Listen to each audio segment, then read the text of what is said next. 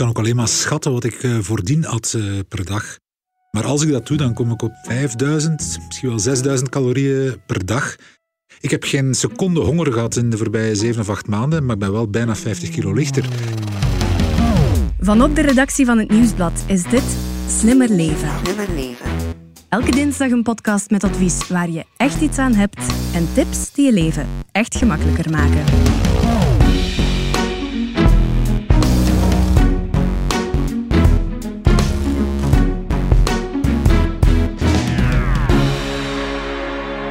...50 kilo, dat moest eraf en hij gaf zichzelf maximum één jaar de tijd. Dat was het doel van Frank de Poorter, freelance journalist. Spoiler alert, het is gelukt. Maar hoe heeft hij dat gedaan en hoe houdt hij het vol? Dat behandelen we in deze minireeks, De Afvaller. Ik ben Elias Meekens en bij mij zit Frank de Poorter. Goedemiddag Elias. En Michael Sels, voedingsdeskundige aan het Universitair Ziekenhuis Antwerpen, die Frank wetenschappelijke raad gaf. Welkom, meneer Sels. Dag Frank, dag Elias. In deze podcast gaan we het dus hebben over drastisch afvallen op een gezonde manier. Wanneer is dat nodig? Wanneer is dik echt te dik? Hoeveel aandacht moet je besteden aan het BMI? En hoe kan je het zelf aanpakken zonder medische ingrepen of ingewikkelde diëten? Alle antwoorden vind je in deze aflevering van De Afvaller, een mini-reeks van Slimmer Leven.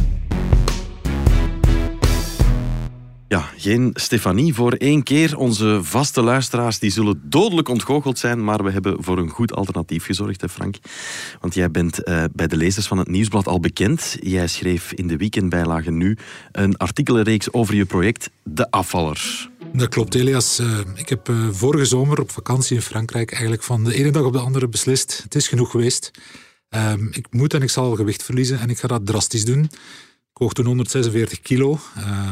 Dat is veel. En ik wou naar 100. En op de terugweg uh, van, uh, van Parijs naar huis heb ik beslist van uh, het project 100k te dopen. Oké, okay. was er zoveel file dan? Nee, het ging nogthans vlotjes. Waarom heb je het dan beslist, Frank? Eigenlijk omdat ik een beetje ontgoocheld was in mezelf. we waren op de terugweg van vakantie in Frankrijk. Prachtig huis, zicht op zee.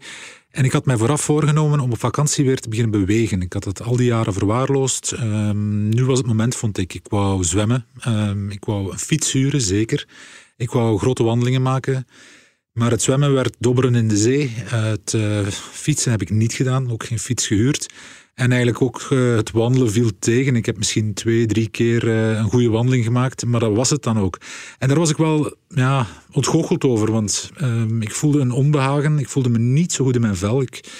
Alsof ik voor het eerst echt voelde dat ik uh, veel te veel gewicht mee torste. Um, en daar wou ik iets aan doen, had ik niet gedaan. En die frustratie, denk ik, sloeg in, in de auto toe op de terugweg. Ik moest en ik zou er iets aan doen. 146 kilo, vond je dat te veel eigenlijk, Frank? Want je was al gewoon aan dat beeld van jezelf, toch? Ik, ik wist niet dat ik 146 kilo woog. Uh, ik heb, denk ik, de voorbije 15 jaar, enfin, tot ik uh, eraan begon aan de afvaller, niet op een weegschaal gestaan. Dus ik maakte voor mezelf een schatting en dan was ik mild en dacht ik van, wat het zal ongeveer 130 zijn, neem ik aan. Mm -hmm. En eigenlijk wist ik dat dat niet waar was. Dus ik heb het pas ontdekt toen ik terug thuis was. Ja. De eerste dag uh, toen we thuis kwamen. Na Frankrijk dan? Na Frankrijk ben ik op de okay. schaal gaan staan, daags nadien. En dat was een extra reden om dan te zeggen van, nu ga ik eraan beginnen? Uh, nee, dat was eventjes heel hard schrikken en denken, het is onbegonnen werk. Ja. Ja, ja, maar ja. tegelijk, uh, het moest. Dus ik heb, uh, ben van de schaal gekomen, ik heb uh, fietskleren uitgezocht en ik ben begonnen. Fantastisch, hè? Nu Frank, hoe groot ben je eigenlijk? Ik ben een meter 89 ja. um, en met een gewicht van 146 kilo, dat is veel. Ja. Heb je je BMI berekend? Ja, dat heb ik inderdaad gedaan. Uh, niet meteen, daar heb ik een paar dagen mee gewacht. Ik heb eerst actie ondernomen, maar toen ik mijn BMI berekende, kwam ik uit op een waarde van 40,9. Uh, dat is... Uh, ja, dat klonk als een doodsvonnis voor mij. Ik was ja. uh, morbide obese. Uh, morbide obese, ja, ja, ja. Dat is dan weer een extra stempel die je op dat moment krijgt. Nu, ja, een BMI van 40,9. Dat is natuurlijk een getal, dat is moeilijk om in te schatten. En daarom hebben we er Michael Sels bijgehaald. Dag Michael, jij bent uh, voedingsdeskundige aan het Universitair Ziekenhuis Antwerpen en ook auteur van het uh, succesboek Lekker Lang Leven. Bedankt om tot hier te komen alleszins. Kan je even duiden, een BMI van 40, wat moeten we ons daarbij voorstellen? BMI is eigenlijk een waarde waar we een eh, uitmiddeling kunnen doen ten opzichte van je lengte. Want iemand die twee meter groot is, maar gaat uiteraard een beetje meer wegen dan iemand van een meter zestig. Dus om een BMI te berekenen, dat kan je makkelijk van jezelf doen, ga je je gewicht delen door het kwadraat van je lengte. En dan gaat een getal uitkomen.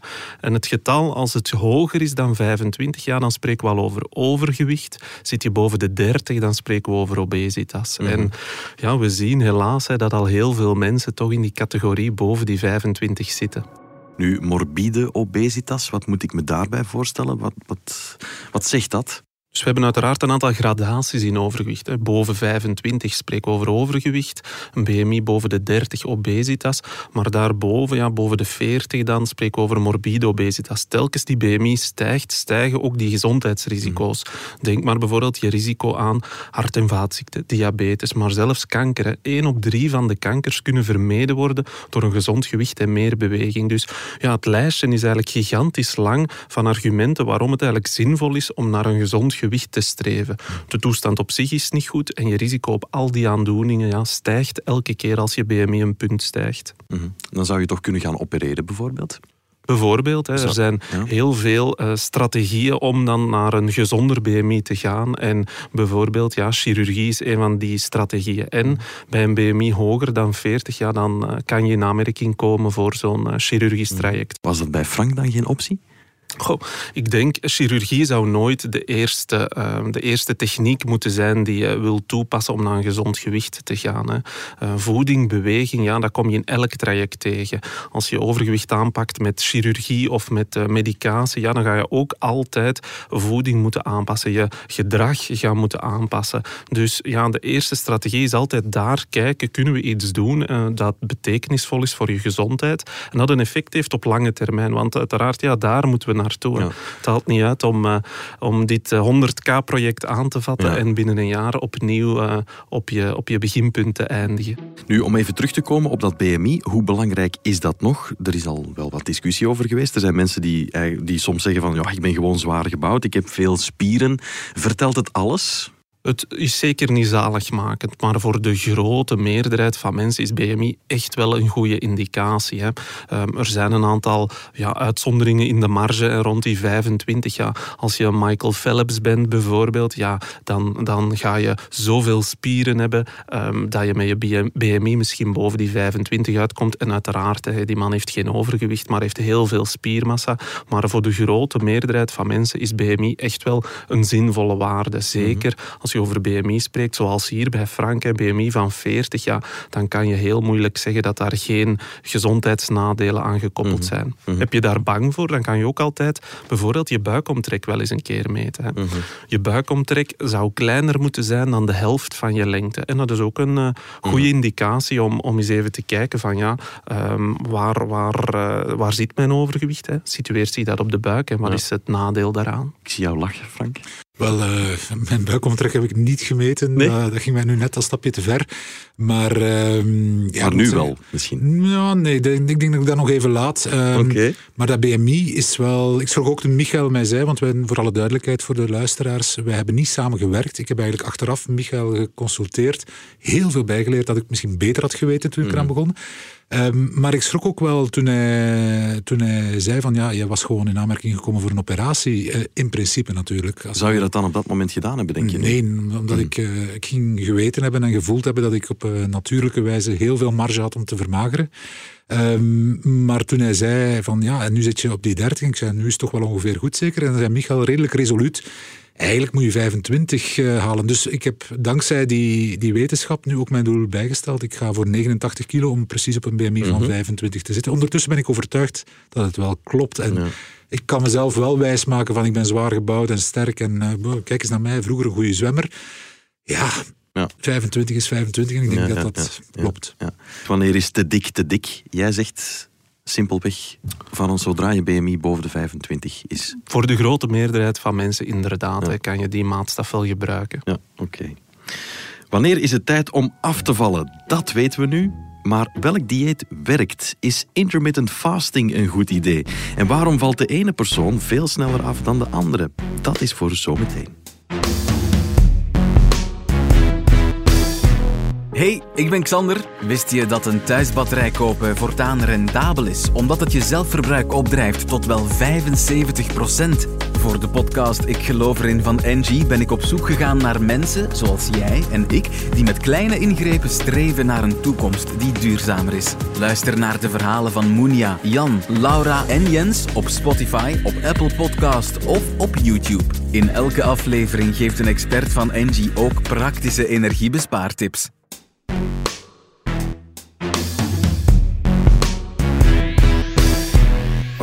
Dus een goed idee op de terugweg van uh, vakantie vanuit uh, Frankrijk. Maar hoe ben je er precies aan begonnen? Uh, heel erg out of the blue, heel erg impulsief en een beetje zot. Um, omdat ik ook bij mezelf dacht, mijn plan is zo zot, naar 100 kilo zakken van 146. Um, ik ga ook zotte dingen moeten doen. En dat is ook gewoon een beetje mijn karakter. Ik ben gulzig. Maar ik ben ook uh, gulzig als ik inspanningen lever. Dus ik heb van alles geschrapt. Mijn eerste plan was geen brood meer, geen pasta, geen rijst, geen frieten, geen pizza, geen boter, geen beleg, geen mayonaise, noem het maar op. Hoe zit het eigenlijk met alcohol, Frank? Want dat is, dat is toch wel een pittige, denk ik, niet? Wel, eigenlijk heb ik van meet af aan ook tegen mezelf gezegd... ja, je gaat blijven en af en toe een glaasje alcohol drinken. Ook wel? ja, absoluut. Um, bier drink ik sowieso niet vaak. Ik hou van een, een goede wijn.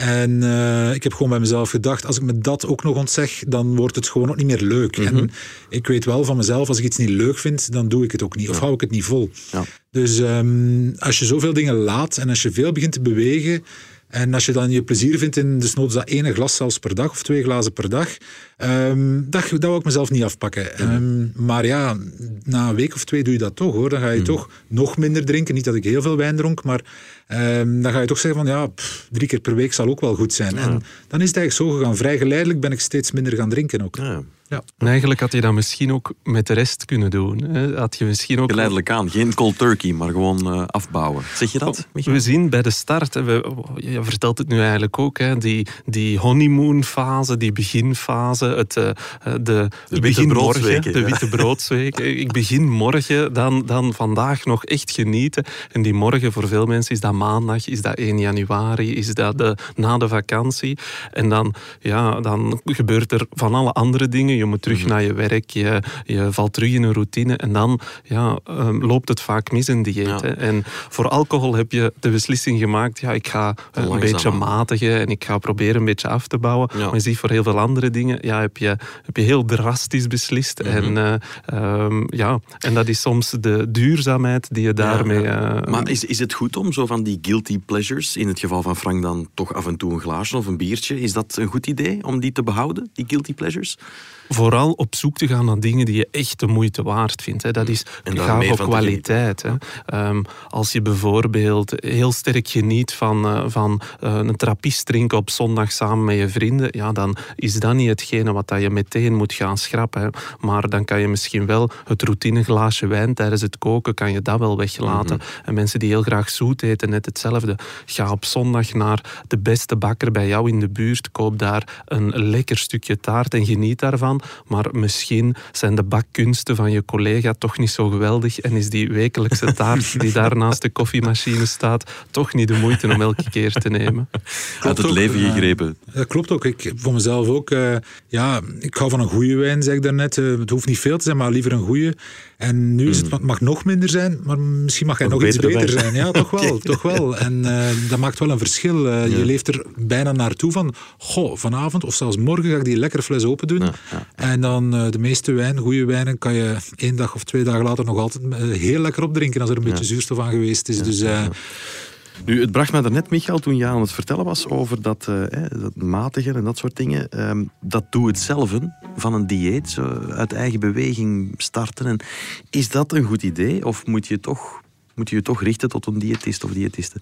Ja, we zien dat heel veel mensen uh, met heel veel goede moed beginnen en dan ja, toch soms wat dingen doen die, uh, die niet ingegeven zijn door wetenschap of die niet ingegeven zijn met, uh, of niet overgoten zijn met een, met een duurzaam plan. Geef eens een dan, voorbeeld van zo, zo. Ja, er zijn heel veel van die voorbeelden. Een soepdieet doen bijvoorbeeld, of een voedingssupplement slikken, of een ketogeen dieet volgen. Het lijstje van dieet, hè, paleo, intermittent fasting, de hypes zijn gigantisch lang het lijstje. En heel vaak, hè, we hebben die allemaal gemeen. Je heel streng een aantal dingen verbieden, ja, dat lukt altijd in het begin. Hè. Je gaat ook altijd een effect zien, maar ja, het is vaak niet duurzaam. Hè. En dan komt er een moment wanneer dat je toch stopt en dan ja, ga je zien, je gewicht stijgt terug opnieuw en dan ja, heb je weer waarschijnlijk zo'n uh, zondagavondmoment. Morgen start ik, morgen mhm. vlieg ik er terug in en ja, dan start de cirkel weer. Hè. En dan, um... Dus ik hoor jou wel zeggen van, het is toch een vooral maatwerk en je laat je beter toch bijstaan door iemand die jou kan screenen vanuit een ander perspectief of meer wetenschap? En een stukje kan coachen, hè, want je hoeft dat echt niet alleen te doen. En um, als je helemaal alleen eraan begint, ja, dan, dat is met alles wat je wil doen. Als je helemaal alleen wil starten met een uh, marathon te gaan lopen, ja, dan is dat moeilijk. Maar als je dat uh, samen doet en je kan dat een beetje gecoacht en getraind doen, ja, dan heb je meer kans op slagen. En dat is eigenlijk met zoiets drastisch aanpassen als je eetgewoonte ook zo. Hè. We eten heel ons leven lang meerdere keren per dag. Je hebt gewoontes waar je misschien 10, 20, 30, 40 jaar aan gebouwd hebt op het moment dat je gaat starten. Ja. En dan verwacht je dat je door, uh, door twee, uh, twee blogposts op internet meteen een ander eetpatroon gaat hebben en meteen de fitste versie van jezelf gaat zijn. Mhm. Ja, die verwachtingen die ga je misschien niet kunnen inlossen en dan uh, kan het heel teleurstellend worden. Ja. Wat, uh, wat ik daarbij ondervonden heb, want ik heb het wel alleen gedaan, dat kan ik wel zeggen. Maar ik heb heel veel gelezen en uh, ook wel echt op zoek gegaan naar goede informatie. Um, en ik geloof dat ook wel. Um, ik had het geluk dat ik uh, tijd zat ook. dat, dat scheelt enorm als je tijd hebt om erop te focussen dan kan je veel lezen. Dan kan je ook uh, heel grondig te werk gaan. En zag je door, door het bos de bomen? Want er is veel informatie over. Ja, dat is een beetje zoeken, moet ik toegeven. Dus ja? achteraf bekeken, denk ik, ik, had, ik heb het ook tegen Michael gezegd toen ik hem na een maand of vijf, zes afvallen contacteerde om mee te werken aan de reeks De Afvaller in het Nieuwsblad. Ehm, ik had dat misschien beter eerder gedaan. Het was misschien iets langzamer gegaan, want ik ben heel, heel fel tekeer gegaan die eerste maand. Um, en dat had ik ook wel nodig om dat te kickstarten. Maar uh, het was denk ik duurzamer geweest en ik had mezelf bepaalde dingen niet moeten ontzeggen die ik misschien wel gedaan heb. Dus mm. um, het is niet gemakkelijk. Je moet daar eerlijk in zijn. Het is, het is uh, best wel een opgave. Mm. Maar een keer dat je te pakken hebt, dan wordt het eigenlijk wel makkelijk. Het is een beetje zoals, uh, zoals fietsen. Als je het nog niet kan als kind, dan denk ik, ik ga dat nooit kunnen. En als je het wel kan, dan verbaas je ooit over wat je ooit niet kon. Dus uh, ik had het kunnen doen en ik zou het ook veel mensen aanraden. Want niet iedereen heeft um, de tijd, uh, de energie uh, om, om dat zelf allemaal te gaan uitzoeken. Mm. Wat nu heel populair is, is dat uh, intermittent fasting. Is, ja. Ben jij er een voorstander van, Michael? Ja, eigenlijk, hè, als je Frank hoort, uh, zijn lijstje van wat hij geschrapt heeft, is, is de vorige hype, hè, is de hype die in de zomer nog... zijn de? de anticoolhydraat, ah, ja, die hype die er was. Hè, ketogeen of superkoolhydraatarm, was deze zomer heel populair. Nu zitten we in de intermittent fasting periode. Misschien als hij nu had gestart... Van waar komt dat eigenlijk? ja, er zijn, er zijn tal van, van uh, mensen die denk ik uh, ja, er geld mee kunnen ja. verdienen of, uh, of er eens een succes mee hebben geboekt en het dan maar... Ja, ja, de... Want heeft dat altijd al bestaan, dat intermittent fasting? Is dat iets dat al eeuwenlang meegaat, bij wijze van spreken? Of ik zeg soms wel eens lachend, hè. eigenlijk doen we het in ziekenhuizen, in het UZ waar ik werk bijvoorbeeld ook, hè, al heel lang. Hè. Of bijna elk rusthuis doet het ook. Hè. Ja. Je geeft mensen s morgens om negen uur een ontbijtplateautje en s'avonds om vijf uur een avondmaal en om acht uur gaan de lichten uit en ja, moeten mensen daar, slapen. Daar, hebben ze wel stiekem M&M's en Leo's in de schuif bij ja, de bomma. Maar eigenlijk, ja, um, we zien het grote nadeel bijvoorbeeld aan intermittent fasting is dat mensen zijn door de jaren al heel vaak vervreemd van hongergevoel, van verzadiging. En intermittent fasting werkt dat eigenlijk soms nog in de hand. Hè. We zien bijvoorbeeld mensen die, die het schema 8-16 hebben. Hè. Er zijn er heel veel van die schema's. En die dan om tien voor acht ineens nog de druk voelen van ja, nu moet ik iets eten. Want ja, binnen tien minuten mag het niet meer. Hè. Moet, ik, moet ik stoppen met eten en dan om tien voor acht nog heel snel ja, toch nog maar een kommetje nootjes eten of toch nog maar iets kiezen. Terwijl eigenlijk als je zou kunnen vertrouwen terug op je natuurlijke verzadiging en hongergevoel, heb je misschien niet elke avond iets nodig. -hmm. En zo zijn er wel argumenten om te zeggen, ja, eet niet met de klok erbij. Maar ja, natuurlijk heeft het ook goede dingen. Het matigen of af en toe eens kritisch kijken van, ja, ben ik niet heel de dag door aan het grazen? Want dat doen toch ook wel veel mensen. Ja, kan het daar soms wel een gunstig effect op hebben. Dus ja, het is niet altijd zo zwart-wit. En jammer genoeg, in heel veel van die hypes is het wel zwart-wit. En is het, ja, je moet wachten tot maandagochtend om te eten. En je mag pas terug eten drie dagen later. Want de schema's zijn 5, 2, 16, 8 8, 4, 20. Ja, ze zijn zo uiteenlopend en dus ja, zijn de effecten ook heel uiteenlopend. Ja. Is er een verschil tussen mannen en vrouwen eigenlijk? Hm, toch wel. Ja, we zien um, ja, in eetgedrag of in, we noemen het uh, voedselvaardigheden eigenlijk. Ja, um, gezondheidsvaardigheden, weten wat voeding met je lijf doet, interesse hebben in hoe voedingsmiddelen bijvoorbeeld bereid worden, van waar ze komen, ja, dat, dat niet gelijk verdeeld is bij mannen en vrouwen. We zien dan ook dat heel veel um, media-artikels uh, gericht zijn eerder bijvoorbeeld naar vrouwen rond diëten, rond slank, rond lijnen. En dat er al heel vaak uh, meerdere pogingen zijn bij vrouwen dan bij mannen. En ja, des te meer pogingen dat je gehad hebt, des te moeilijker wordt het vaak om nog uh, de zeventiende keer toch nog resultaat te halen. En ik denk, Frank is daar ook een mooi voorbeeld van. Hij heeft eigenlijk geen dieetgeschiedenis en hij heeft dus heel snel heel mooie resultaten kunnen halen. En misschien als hij het... Uh, Ooit terug nodig heeft, dan zal het sneller gaan misschien. Hopelijk heeft hij het nooit meer nodig. Hè. Hij weet, uh, hij weet het grote voordeel hè, dat er nu is. Um, maar ja, als je dit nog drie keer wil herhalen of nog vijf keer wil herhalen, ja, dan kan ik je verzekeren dat het minder snel en minder, uh, minder groot effect gaat geven. Hoe komt het dat het moeilijker is dan om, om uh, succes te boeken? Heel veel dieettrends of heel strenge diëten kunnen je metabolisme al um, een stukje veranderen en kunnen daar al voor zorgen dat je bijvoorbeeld uh, minder energie nodig hebt in rust en daardoor uh, dat je moeilijker vermagert de, de volgende pogingen die je onderneemt. Hè. Je lichaam heeft ook een soort ja, barometertje, we noemen het ja, homeostase, waar, waar een punt waar je lichaam vaak terug naartoe gaat. Hè. Als je een paar dagen meer eet tijdens de feestdagen en nadien terug in je routine valt, gaat je gewicht terug naar dat punt van voor die feestdagen. Um, als je een paar dagen ziek bent en weinig hebt gegeten, nadien als je terug genezen bent, gaat je gewicht ook daar terug naartoe. En als je ja, dat stabiel punt een flinke tik geeft door te gaan diëten en je gaat daar drastisch onder een aantal maanden, maar daar schommel je toch nog vaak, ja, dan ga je niet meer terug naar dat stabiel punt, maar kan het zijn ja, dat je dat punt een stukje hoger hebt gelegd en de volgende keer ja, wordt het weer moeilijker om dat naar beneden te krijgen. Vandaar is het toch heel belangrijk om wanneer je gewichtsverlies hebt bekomen, om dat toch ja, een drietal maanden redelijk stabiel rond een nieuw gewicht te houden. Om daar eigenlijk weer ja, je barometertje intern te programmeren op dit is mijn stabiele gewicht. En dan ga je zien dat het duurzamer is en dat het meer weerbaar is tegen uh, een aantal feestdagen, een barbecue'tje, een keer ziek zijn en dat je eigenlijk altijd terug naar dat nieuwe, stabiele, gezonde gewicht gaat. Ja. Het was corona natuurlijk, Frank, maar wat heb je daarmee gedaan met feestdagen en festiviteiten? Goh, was eigenlijk, uh, het was corona, dus dat hielp enorm, ja. moet ik eerlijk toegeven.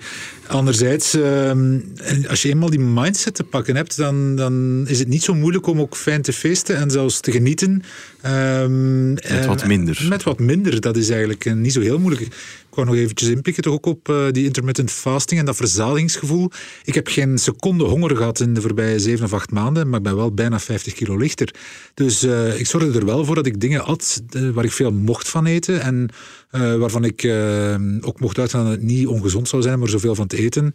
Natuurlijk, te veel vlees, dat heb ik sowieso gedaan, mager vlees. Maar ook vooral heel veel groenten en fruit. Um, en die, die verzadiging waar Michael net op alludeerde, ik denk dat dat een hele belangrijke is. Want als je honger hebt, ja, dan ga je eten, punt. En dan ga je veel te veel eten. heb ik niet gedaan. Ja, dan hou je niks vol. En denk eraan, wanneer je bijvoorbeeld met heel veel honger in de supermarkt bent, ja, dan is het moeilijk om ja. daar die goede keuzes te maken. Dat ja, wordt gezegd, hè?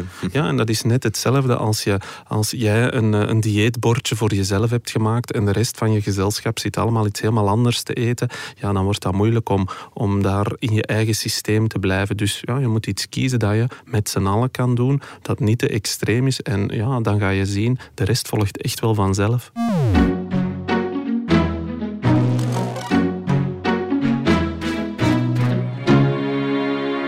Okay, dus op 1 augustus, Frank, toch nog eens uh, lekker gaan eten en dan uh, meteen de dag erop begonnen, de diepvries leeggemaakt. Uh, hoe verliepen die eerste dagen, weken, maanden? Hoe ging dat? Eigenlijk vrij euforisch en makkelijk. Ehm, ik begon te bewegen, ik sprong elke dag op mijn fiets. Ehm, niet ver, niet lang, want dat ging niet met dat overgewicht. Maar ik bewoog heel veel, at veel minder, ehm, vooral veel minder ongezond. Um, ik leed geen honger en dus eigenlijk ging het vrij makkelijk. En na twee weken stelde ik vast dat ik acht kilo kwijt was. Ik had twee weken niet op de schaal gestaan. Ehm, en toen kon ik het niet meer houden, was ik te nieuwsgierig om te zien of het iets opgeleverd had die twee weken. Ehm, en dat motiveerde mij enorm dat resultaat om door te gaan. Ehm, vanaf toen elke dag op de schaal. Wat in principe niet zo'n goed idee is, eh, denk ik. Want uh, dan, dan, uh, ja, dan ben je heel gefixeerd en te gefocust op dat doel. Maar ik zag de grammen er letterlijk per 100 afvliegen elke dag. en na een maand was ik iets meer dan 13 kilo kwijt. Is dat gezond, Michael? Dat is heel veel op korte tijd. Hè. Gemiddeld over zo'n uh, een vermageringstraject rekenen we zo'n halve kilo per week als, als een goede richtlijn om te vermageren. wil zeggen dat je ongeveer een 500 kilocalorieën lager moet gaan dan je verbranding. Die eerste periode, die honeymoonfase, ja, dan gaat het snel. Hè. En heb je meer overgewicht bij de start, ja, dan ga je nog sneller, nog eenvoudiger die eerste periode vermageren. En daar, ja, daar moet je gebruik van maken. En moet je wat op meesurfen om een goede start te geven en dan ja, het te verzekeren en het te kunnen behouden, uiteraard. Mm Aan hoeveel calorieën zat jij per dag? Goh, mm, een paar tel- en rekenfouten maakte ik wel, want bijvoorbeeld met brood vergist ik mij vaak van hoeveel calorieën het was. Maar uh, grosso modo zou ik zeggen dat ik onder de 3000 calorieën bleef elke dag. Eigenlijk dus toch wel ietsje te veel. Mhm. Maar daar moet ik wel aan toevoegen dat ik elke dag uh, ging fietsen, toch wel een uur. Um, en dat je dan natuurlijk ook wel uh, ja. veel calorieën verbrandt. Dus, ja. Moest het een, rechtlijnig proces zijn, Michael? Je eet een week lang 2000 calorieën per dag uh, en dan val je drie kilo af. Ja, dan was het simpel. Dan deden we het allemaal, maar dat is niet zo. Hè? Hoe komt het dat het bij de ene wel werkt en bij de andere veel minder? Ja, ieder individu is natuurlijk een stukje anders. Hè. Maar als we kijken voor een grote populatie, dan kan je ervan uitgaan, de gemiddelde vrouw heeft ongeveer 2000 kilocalorieën per dag nodig, de gemiddelde man 2500 kilocalorieën. Maar dat zien we ook in het ziekenhuis bij ons, hè, waar we echt metingen doen om een verbruik te gaan bepalen. Want we kunnen dat echt meten, wat iemand zijn caloriebehoefte is. Ja, dan zien we daar toch grote uitschieters. Hè. Mensen die al heel veel gedieet hebben, ja, zien we dat dat getal soms een stukje lager ligt. Sommige aandoeningen ja, zorgen er ook voor dat uw verbranding anders is. Ja, Frank heeft heel veel gesport, verklaart dat hij een hogere verbranding heeft, dat zijn inname ook een stukje hoger ligt en hij heeft nog maar weinig dieetpogingen gehad, dus spreekt ook in zijn voordeel. Mhm.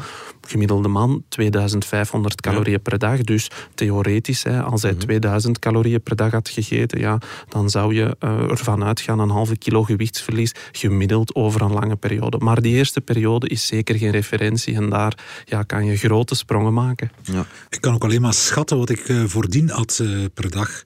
Um, maar als ik dat doe, dan kom ik op 5000, misschien wel 6000 calorieën per dag. Dus als je dan naar minder dan 3000 gaat, wat ik gedaan heb, dan praat je over een halvering. Dus elk pondje gaat door het mondje. Dat is volkstaal.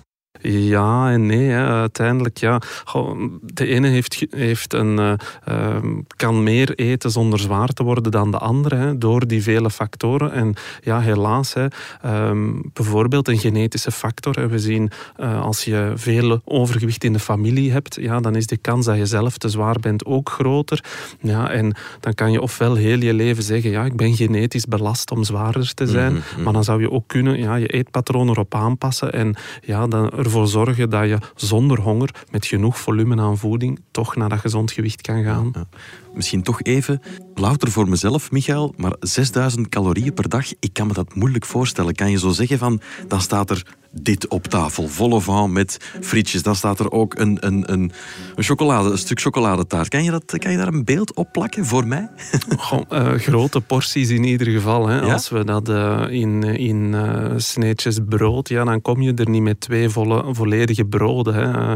dan ga je er ga je drie volledige broden drie volledige zeker broden. moeten, maar dat is dan al 6000 calorieën. Tellen. Ja, je gaat, daar, je gaat daar beleg bij moeten doen en je gaat daar nog eens, nog eens wat roomboter moeten opsmeren maar ja, heel verrassend als je hè, brood geeft nog volume bijvoorbeeld, maar als je bijvoorbeeld een grote portie warme maaltijd eet, twee, drie borden, hè, voor heel veel mensen is het niet abnormaal om, om drie borden spaghetti te eten, om, om eh, vier keer per dag een tussendoortje te nemen, om dat tasje koffie dat je vroeger dronk, hè, is nu vervangen door die uh, soja latte frappuccino met de roze glitters bovenop. Ja, dat maakt allemaal dat je meer binnen hebt, zelfs soms zonder dat je het door hebt.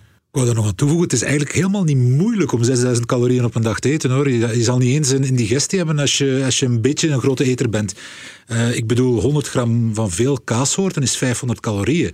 Dus als, je, als je een kilo kaas eet, dat is absurd veel, maar tegelijk ook niet om van omver te vallen.